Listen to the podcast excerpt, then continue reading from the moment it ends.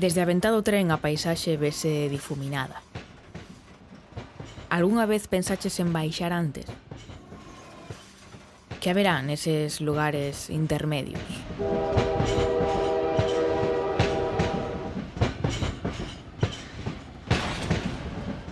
Non sei. Eu non o pensei nunca, e a verdade é que isto non vai de trens. Pero si vai de lugares. Lugares que, por outra banda, probablemente non teñan estación. Entón, como se chega a eles? Próxima estación, San Simón, a Illa das Múltiples Vidas.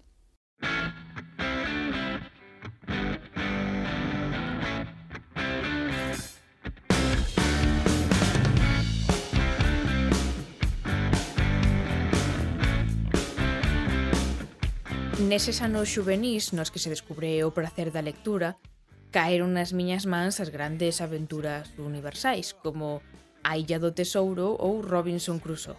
Eses libros que aparecen por inercia nos estantes familiares. Eran sempre historias en illas perdidas, imaginarias, as que se chegaba por accidente e que só podía soñar con coñecer ata que Xulio Verne dá en chamarlle a un capítulo das 20.000 leguas de viaxe submarina a Rada de Vigo.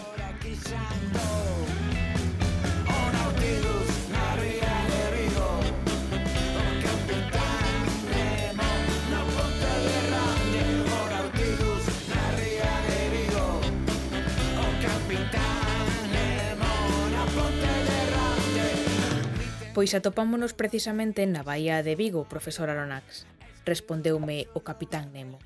E se o desexa, está na súa man desentrañar os seus segredos. Ao redor do Nautilus, nun radio de milla e media, o mar aparecía bañado en luz eléctrica. Alguns homes da tripulación equipados con escafandros ocupábanse de desembarazalo de tonéis medios podres que se amontoaban entre outros restos ennegrecidos. Daquelas caixas escapaban lingotes de ouro e prata, fervenzas de moedas e xoias, Cargados con aquel precioso botín, os homes volvían ao Nautilus, descargaban o seu fardo e volvían a comezar aquela inesgotable pesca de ouro e prata. E todo isto corría a uns kilómetros da miña casa. Non había océanos que cruzar. Na bahía de Vigo ou no fondo da ría estaba a illa de San Simón, onde Xulio Verne e o seu capitán Nemo soñaban con tesouros das Américas. Aos meus 12 anos, aquel descubrimento non fixo máis que incrementar a miña ansia por protagonizar unha desas historias de piratas e tesouros. O lugar escollido, San Simón, a illa das múltiples vidas. Servíame unha ermida de San Simón E cercarome as ondas que grandes son Eu atendendo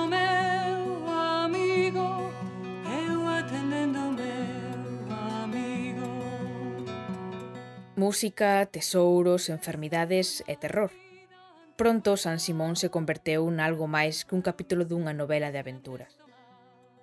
Desde a época do trovador Mendiño ala polo século XII, o lugar foi ocupado por monxes, piratas, enfermos, por presos e Xulio Verne non andaba desencamiñado, pois ese tesouro de San Simón ten a súa parte de realidade.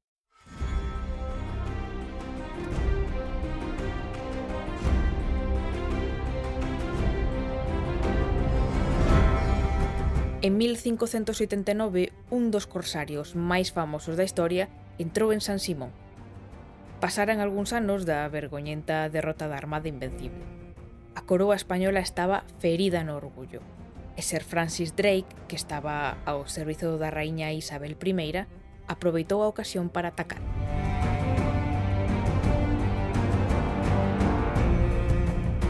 Ao principio non lle foi moi ben na Coruña, onde topou ca fouteza de María Pita e tivo que sair dali co rabo entre as pernas. Pero sí que arrasou coa vila de Vigo e por extensión coa illa de San Simón. A raíña estaba tan contenta cos seus servizos que esqueceu por completo que era un pirata. Era simplemente o home que a facía rica e poderosa.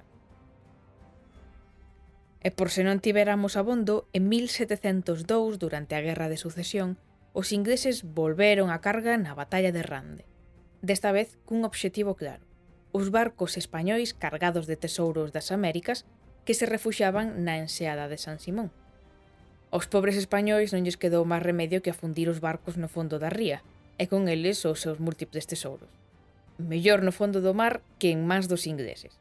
E os ingleses, imaxinos, volvendo á súa patria, coas mans baleiras, apesarados, E será a cousa do TikTok, pero tamén os imagino cantando isto. once was a ship that put to sea, and the name of that ship was the Billy o' Tea. The winds blew hard about it down, blow me bully boys blow. Soon may the wellerman come to bring us sugar and tea and rum. One day when the tonguing is done, we'll take our leave and go. E así foi como chegou o capitán Nemo ata San Simón, para sair dali co gran tesouro que a historia prometía. O que menos esperaba eu era que, na viaxe soñada á illa, sería o mesmiño Capitán Nemo o que me daría a benvida. O Capitán Nemo ou máis ben Xulio Verne, que recibe cos seus anteollos os barcos turísticos que chegan a San Simón. E cando baixa a marea podes ver tamén os incansables buzos ao seu redor, buscando o tesouro. Unha boa novela mellora moito con un pouco de realidade.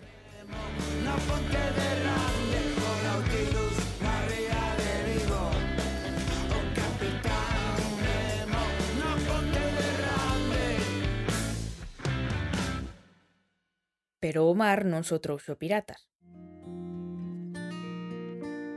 Oi, marchita e cansada Besarte infectada Desde el corazón no hai dolor Nos barcos doutros continentes chegaron tamén a Galicia enfermidades infecciosas a tantón descoñecidas.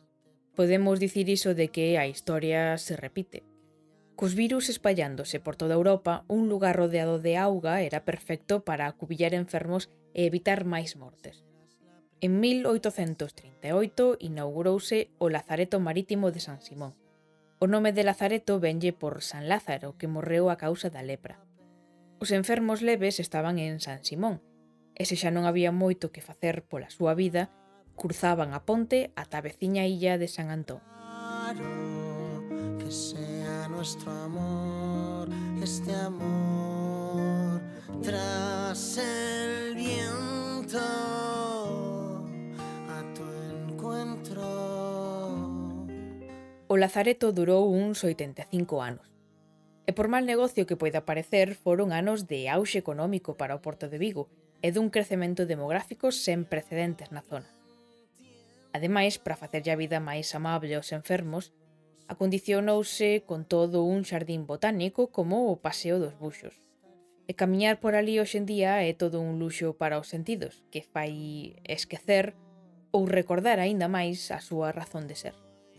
I go.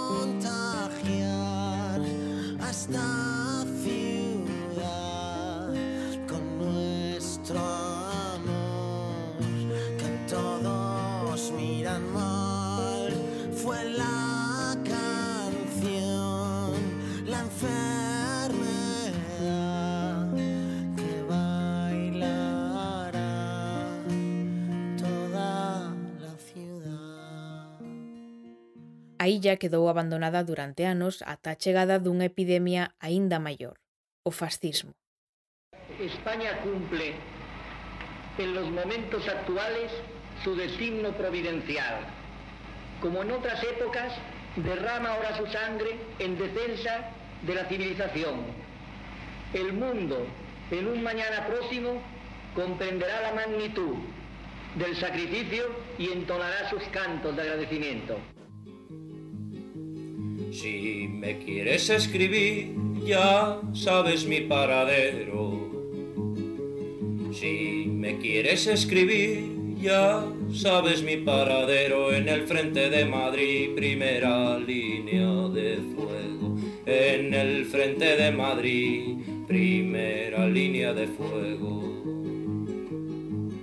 A guerra e posterior dictadura determinaron a seguinte e máis terrible vida de San Simón por orde do réxime franquista sería prisión e campo de concentración de presos políticos.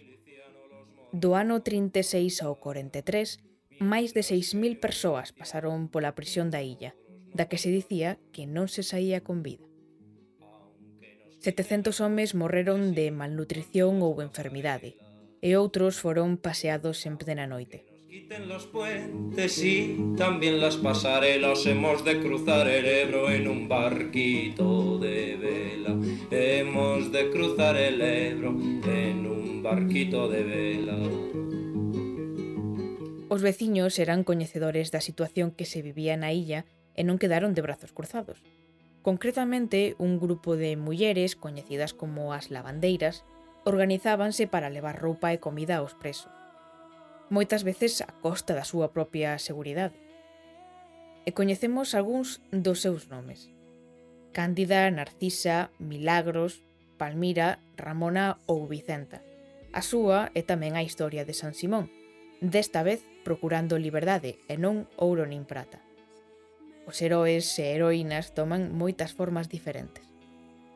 Pero abramos unha fiestra, Os turistas chegan agora a San Simón, reconvertida en espazo de memoria. Cada verán convértese na illa da música, da arte, da celebración. E confeso que teño un pouco abandonadas as novelas de aventuras, pero por uns días podemos permitirnos ter 12 anos de novo e imaginar que estamos loitando contra os piratas, ou bailando e cantando no Festival Sin Sal. Todo isto vixiados sempre de preto polo Capitán Nemo porque o gran tesouro de San Simón aínda está fundido en algures, esperando ser atopado.